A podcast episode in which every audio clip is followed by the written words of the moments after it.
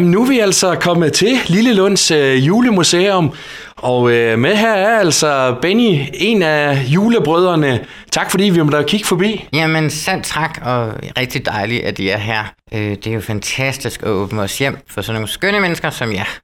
Ja, fordi lige nu, Benny, der sidder vi altså i Gertrud og Olof Sands øh, køkken. Altså, I har simpelthen fået lov til at udstille de originale jeg ja, rammer her for The Julekalender. Altså, hvordan er det? Det er en kæmpe drøm, der er gået i opfyldelse. Øh, Udover at få sit egen private hjem og skabe julemuseum, så er det her, det overgår det vildeste fantasi for os. Øh, at få lov til at genskabe, men øh, i virkeligheden er det de originale kulisser, og så har jeg skabt det her på to og en halv måned og bygget det helt selv op. Gået i sensommeren, mens alle andre har holdt sommerferie mere eller mindre. Øh, at gå her og hygge og danse, støvledans til musikken hele tiden. Den er bare kørt på fuld skrald derudad. Øh, og det, det er meget mærkeligt. Og, og så også den her store glæde. Altså noget af det, der kom allermest bag på mig i år. Og det er første gang faktisk, øh, vi har en kæmpe temaudstilling. Vi har brugt 50.000 kroner, skal lige siges. Så vi har satset lidt, hvad vi ejer har på den her udstilling lige nu. Øh, det, der kom allermest bag på mig, det er, at folk pludselig kan fælde en tårer eller to og faktisk stå og smågræde. Øh, ikke fordi de, de kender jo godt serien fra TV2, øh, men simpelthen fordi man kan genkende sin egen barndomsjul i virkeligheden, ja. hvor man pyntede noget mere op, end hvad man gør i dag. Og så også det her med bedstemors øh, køkken, kunne jo være Gertruds køkken, man stod i. Øh, tapetet, køkkenskabet blandt andet, der er nogen, der faktisk står og, og små tuder lidt med glemt i øjet. Øh, og ja, selv kagedåsen har vi fået mange tilkendegivelser, at ej, kan du huske, da vi var barn, der fik vi også altid den øh, kleine øh, bedstemor for lige præcis den dåse. Så udover det er en TV2-udstilling, som vi alle kender på tv, så vækker tingene jo bare hverdagstingene minder. Det, det kom lidt bag på os faktisk. Ja, det, altså det, det, det er også stort for mig at sidde her i, ja. i, i køkkenet, må, må jeg sige. Men jeg er simpelthen også nødt til at spørge Benny. Altså, ja, du hedder Benny, og, og din bror hedder Brian. Ja, nemlig. Ja. Det hedder han jo også i The Julekalender. Altså, ja. er, er, I, er I blevet opkaldt efter det? Det ved man egentlig ikke. Nej, det, nej, det tror jeg faktisk ikke, vi er. Det er et tilfælde. Øh, det er sgu rimeligt, og vi har også en, en, en halv stor bror, som hedder Tony.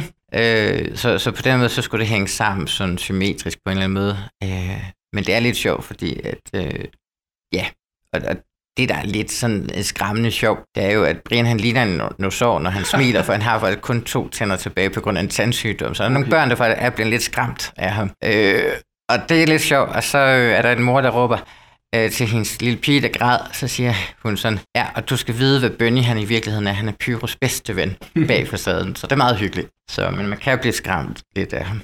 Og det er i hvert fald sige, altså, kom hen og besøg det her sted. Det er et fantastisk univers, og det er altså åbent indtil den 29. december. Det er der. Hver eneste dag, selv på juleaften, der får vi altid nogle hyggelige mennesker. Gerne sådan de her skønne familier, der ikke helt er kommet i julestemning, og svirkemikken bliver tvungen herud, og så ender de med at komme i godt julehumør.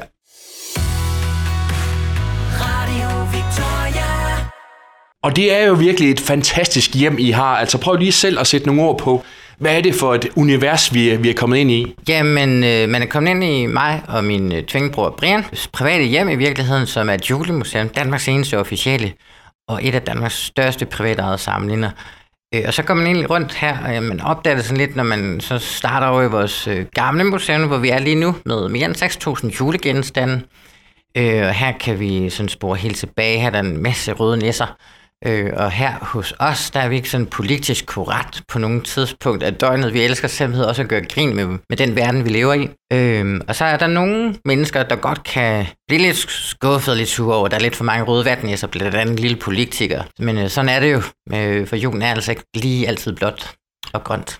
Men, men man kan sige, altså, der er jo nisser i alle forskellige afskygninger, gamle julekalender og sådan noget. Altså, hvad har fået dig og, og brormand Brian til at, at lave det her univers? Jamen, øh, det kan siges ret simpelt, for vi vil faktisk bare redde den danske jul. Vi synes, den er ved at forsvinde. Da vi var 17-18 år, og da jeg kom i blomsterbutik på et tidspunkt og blev uddannet som blomsterbinder, der skulle alting være sort, plastikkugler og sølvklemmer og sådan meget mørke, dystre farver. Og så øhm, opstod det på en måde ved et tilfælde, og egentlig ikke rigtig et tilfælde. Vi har altid samlet pynt, siden vi var 17-16 år. Og så lige pludselig så stod jeg i en genbrugsbutik sammen med vores kære mor, som vi blandt andet kan takke hende for, at vi står i et julemuseum i dag, eller har et hjem kalder vi det nærmest. Øhm, hvor vi så øhm, stod i en genbrugsbutik, så sagde jeg, jeg får nok ikke drømmeuddannelsen som lille. Og så øhm, stod der en næse i et skab, og så sagde jeg til Brinsen, da jeg kom hjem og fortalte ham om det, at vi ville have Danmarks første julemuseum, hvis jeg fik den her i vores fødselsdagsgave. Nede i genbrugsbutikken, så sagde hun, genbrugsdamen, husker lige så tydeligt, du kan selv gøre en skråt plads smuk med skulptur ud af det poreste guld til sidst. Og den har jeg sådan tænkt rigtig meget over, og så øhm, rystede jeg egentlig lidt på hovedet af mig selv, da jeg kiggede ud, og tænkte, den får jeg aldrig, den her nisse til 450 i Frelsens her, faktisk i Esbjerg Py. Øhm, og tænkte, hmm, det er også noget mærkeligt noget, som 18-årig at ønske sig i julegave, eller i fødselsdagsgave det år, hvor vi blev 18. Og så fik jeg den på juleaften, og så sagde Brinde, så må vi jo hellere gå i gang med at købe en masse julepynt, mere end det vi havde i forvejen. Og så endte vi på Brød Marked og fik vores to flyttekaster i juledagene, hvor der egentlig var åben en fredag. Og så ja, har det bare taget om sig. Og nu har I jo haft det her museum siden øh, 2015. Altså, kan man leve af det her? Øh, desværre nej. Øh, det har gået op og ned med besøgstallet, øh, trods en masse tv-programmer på diverse kanaler nu. Ja, hos ja, skønne radiomennesker. Øh, det er ikke noget, man kan leve af. Det er noget, man skal gøre med hjertet. Og i virkeligheden så åbnede vi det her hjem som et privat hjem.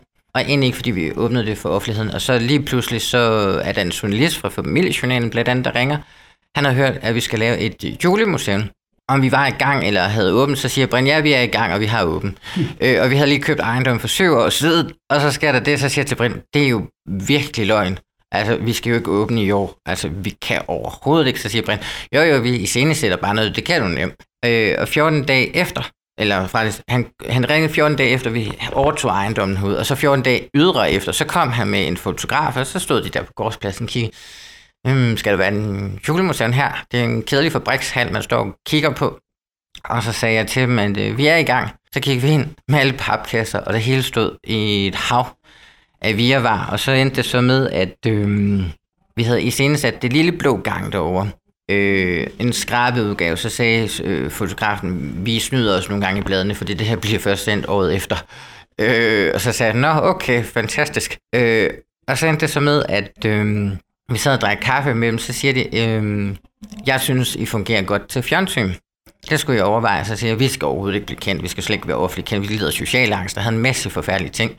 Så sagde han, det kan man jo ikke mærke på dig, du elsker jo at sidde med sådan nogen som os. Og så stod jeg over den, og så en aften, jeg flygtede hjem til mor, hvor mig og Brian måske var lidt uvenner over, hvordan øh, det var at flytte hjemmefra som sent alder. Vi flyttede hjemmefra øh, som 30-årig.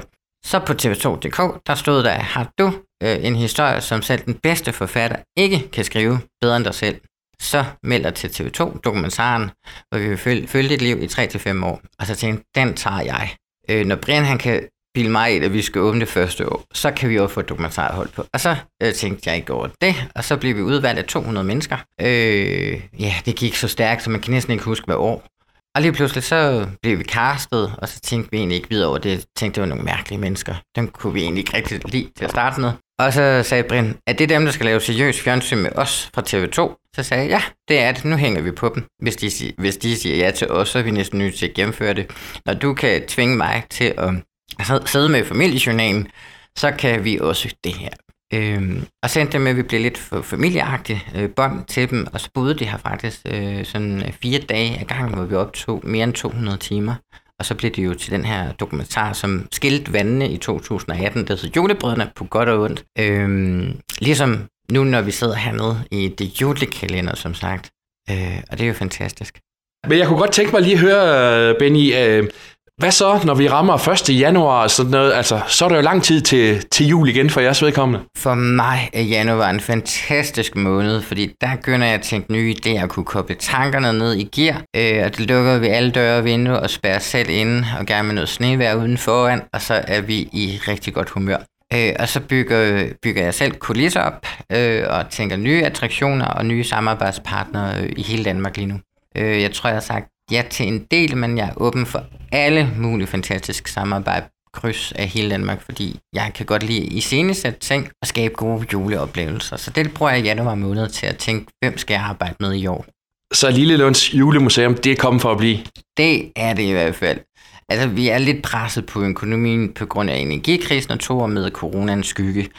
Øh, så lige nu, der kræver det, at vi får en 4-5.000 besøgende i år, for at det hænger sammen. Men øh, jeg formoder, at vi er her til næste år. Fantastisk.